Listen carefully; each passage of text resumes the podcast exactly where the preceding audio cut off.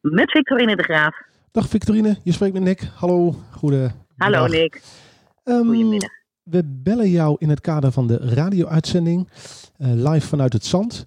Um, even kijken, we hebben het vandaag over uh, toekomstbestendig wonen. Jij werkt voor Van Wijnenbouw uh, en je Ja. zit namens Van Wijnenbouw in de coalitie Gezond Wonen. Um, zou je ons iets kunnen vertellen over waarom zit je eigenlijk in die coalitie? Nou, die coalitie eh, die brengt natuurlijk een heleboel met zich mee. Wonen is een werkwoord. En dat concept van wonen is niet alleen het gebouw, dat is ook de wijze waarop je het gebruikt. Dat is de wijk waarin je zit, de voorzieningen die er getroffen zijn. Dus wat we meer en meer zien, is dat eh, wonen en bouwen en leven, dat dat met elkaar verbonden is. En dat dat ook verbonden is met een levensloop van mensen. Dus dat was absoluut voor ons een reden om plekken waar heel veel aan gebouwen moet gebeuren, zoals bijvoorbeeld in het aardbevingsgebied, om ons aan te sluiten, juist vanuit dat perspectief bij de coalitie. Oké, interessant. En ik heb mij uh, natuurlijk even voorbereid voor ons gesprek. En ik zag op de website van Van Wijnen dat jullie behoorlijk actief zijn in het ontwikkelen van concepten voor de toekomst. Uh, jullie, zei, jullie lijken daarin een voorloper. Um, waarom is het eigenlijk zo belangrijk voor jullie om je zo nadrukkelijk uh, bezig te houden met hoe wonen mensen eigenlijk uh, over een jaar of vijf of tien? Nou, het heeft te maken natuurlijk met de vragen die de grote maatschappij ons stelt. En dat heeft niet voor niks samen, samen bouwen aan, hè, meer duurzaam leven. En dat betekent dat we ons niet alleen afgevraagd hebben hoe willen mensen wonen, maar ook welke aarde laten we onze kinderen na. En hoe kunnen we nou dat bouwen in nieuwe concepten maken, waarbij je ook rekening houdt met de circulariteit van het product wat je hebt, of met de veranderende samenleving, of uh, kun je ook niet flexibeler met elkaar omgaan met de materialen die, uh, die we hebben. Dus op die manier hebben we ons ge uh, gesteld dat ook in dit kader het gaat om het samen, het gaat om het samen ontwikkelen en daarmee ook rekening houden met de aarde die we nalaten. Oké, en is het ook zo, merken jullie ook dat de particulier daarom vraagt? Of is dat meer iets wat misschien vanuit het bedrijfsleven komt, uh, die vraag naar, naar duurzame, circulaire materialen bijvoorbeeld?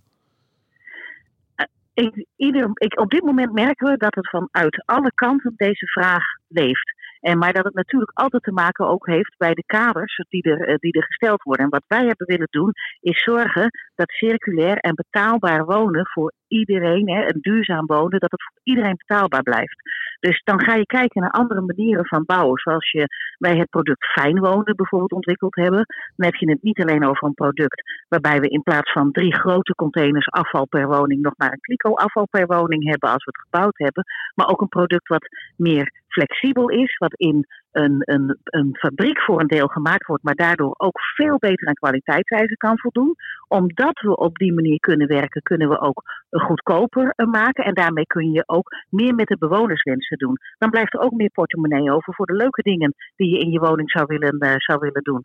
Oh, dus een mes snijdt aan twee kanten, dat is interessant. En is het ook zo dat uh, sommige mensen twijfelen misschien, goh, woon ik in mijn huis over 10, 15 jaar nog? Ik heb ook begrepen dat jullie uh, particulieren helpen bij, bij die vraag. kan ik lang in mijn woning blijven wonen?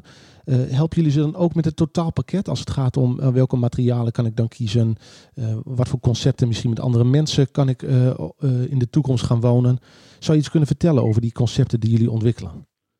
Nou, je kunt ervan hebben van groot naar klein. Waar we, waar we mee werken is bijvoorbeeld met hele wijken en een wijkgerichte aanpak of een dorpsgerichte aanpak, waarbij we ook gebruik maken van de mogelijkheden die bijvoorbeeld ICT ons biedt. Waarin we met elkaar zeggen van goh, wat zijn nou alle wonen en wensen en parameters en kun je daar ook de grootte van het stuk grond invoeren, wat voor soort gebouwen, hoeveel kamers. En als je dat nou eens aan een computer vraagt, hoe zou die dan het gebied inrichten?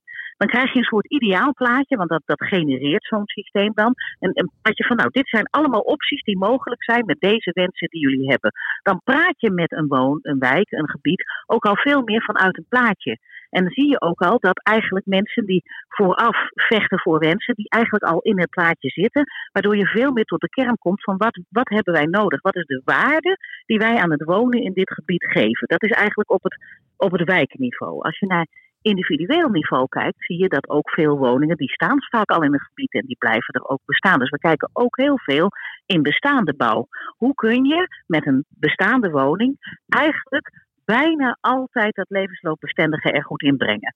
Je kunt bijna altijd aanpassingen doen waardoor je ehm, eh, vrij eigenlijk lang in die woning kan blijven wonen. Als je dat wilt natuurlijk. Want sommige mensen zeggen ook ik zou eigenlijk wat kleiner willen of wat groter. En dan zou je dat in het wijkconcept mee kunnen nemen.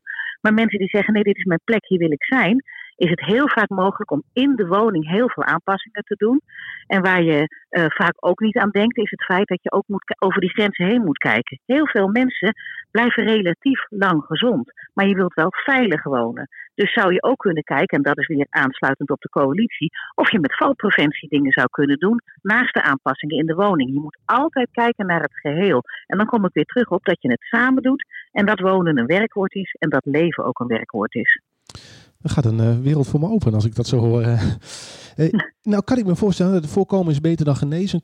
Uh, als mensen, misschien denken mensen nu nog niet na over waar ze over tien jaar wonen. Wat is eigenlijk een goed moment om, om, om na te denken of misschien met jullie in gesprek te gaan over wanneer moet ik aanpassingen doen, wat kan ik al doen? Er is nooit een verkeerd moment en er is eigenlijk ook nooit een goed moment. Heel vaak zien we dat mensen er pas over na gaan denken als er iets essentieels verandert in het leven. En dan heb je het over, kunnen we adapteren aan de nieuwe situatie?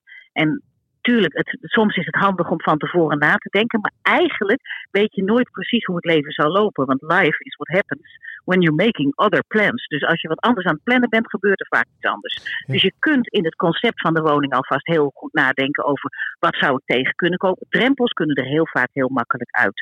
Maar je kunt ook adapteren aan de situatie op dat moment en dat kan ten alle tijden. Oké, ehm, met een mooie quote van John, John Lennon, als ik me niet vergis, uh, tussendoor. Ja, ja. um, ik, misschien mijn laatste vraag. Uh, als mensen zitten te luisteren of zo, uh, ze luisteren die terug, kunnen mensen rechtstreeks contact opnemen met Van Wijnen of misschien met de coalitie Gezond Wonen? Via coalitie Gezond Wonen kan het altijd. En men kan natuurlijk ook altijd contact zoeken met Van Wijnen Groningen. En dan kunnen wij kijken wat wij met de vragen kunnen. Het mooiste vinden wij als we het met een groep samen kunnen doen om echt tot een beter, mooier woonconcept te komen. Nou, dat uh, lijkt me een mooie boodschap. We zullen ook de contactgegevens uh, na de uitzending delen op de verschillende uh, platformen. En ja, misschien ben ik er vroeg bij, maar je gaf aan, er is eigenlijk nooit een verkeerd moment om na te denken. Misschien ga ik ook eens nadenken over, nou, waar woon ik eigenlijk over 20, 30 jaar? Ja. Kan altijd. Ja, nou, dank je voor je bijdrage, Victorine. En um, ja, ik hoop je snel weer te spreken.